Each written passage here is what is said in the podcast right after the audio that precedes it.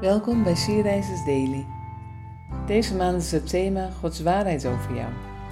En vandaag luisteren we naar een overdenking van Anouk Doornbos. We lezen uit de Bijbel Efeze 1, vers 1 en 2. Van Paulus, door Gods wil apostel van Christus Jezus. Aan de heiligen in Efeze, aan de gelovigen die één zijn met Christus Jezus. Genade zij u en vrede van God, onze Vader en van de Heer Jezus Christus. Paulus schrijft de christenen in Efeze om ze te troosten en te bemoedigen. Hij moedigt ze aan om de eenheid te bewaren, om samen één lichaam te zijn, met Jezus Christus als hoofd van dat lichaam.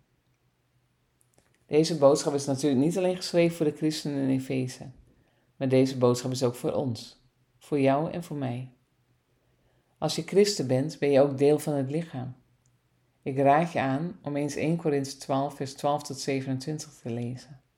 Daar wordt eenvoudig en praktisch uitgelegd hoe wij het lichaam van Christus kunnen zijn. Niet alleen in de kerk, maar ook thuis en in je omgeving. Overal waar je met Christen samen bent, ben je het lichaam van Christus. Jij mag op jouw manier, met de gaven en talenten die God jou heeft gegeven, God dienen.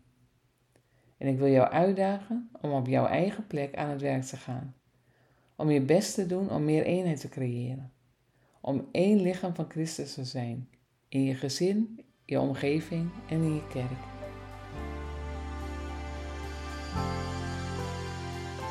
Hoe kun jij deel zijn van dat lichaam? Wat kun jij bijdragen?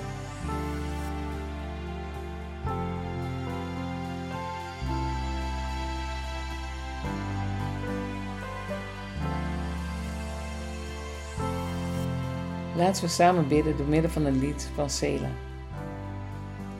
Laat ons samen één zijn, Heer. Verenig uw kerk. Laat de wereld zien dat Jezus leeft, in ons werkt. Niemand is minder, niemand is meer. Wij zijn gegeven aan elkaar door Jezus Christus, onze Heer, die ons lief heeft en aanvaardt.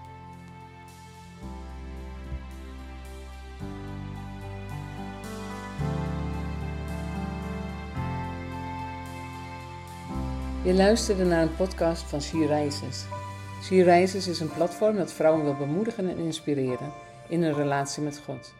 Wij zijn ervan overtuigd dat het Gods verlangen is dat alle vrouwen over de hele wereld Hem leren kennen.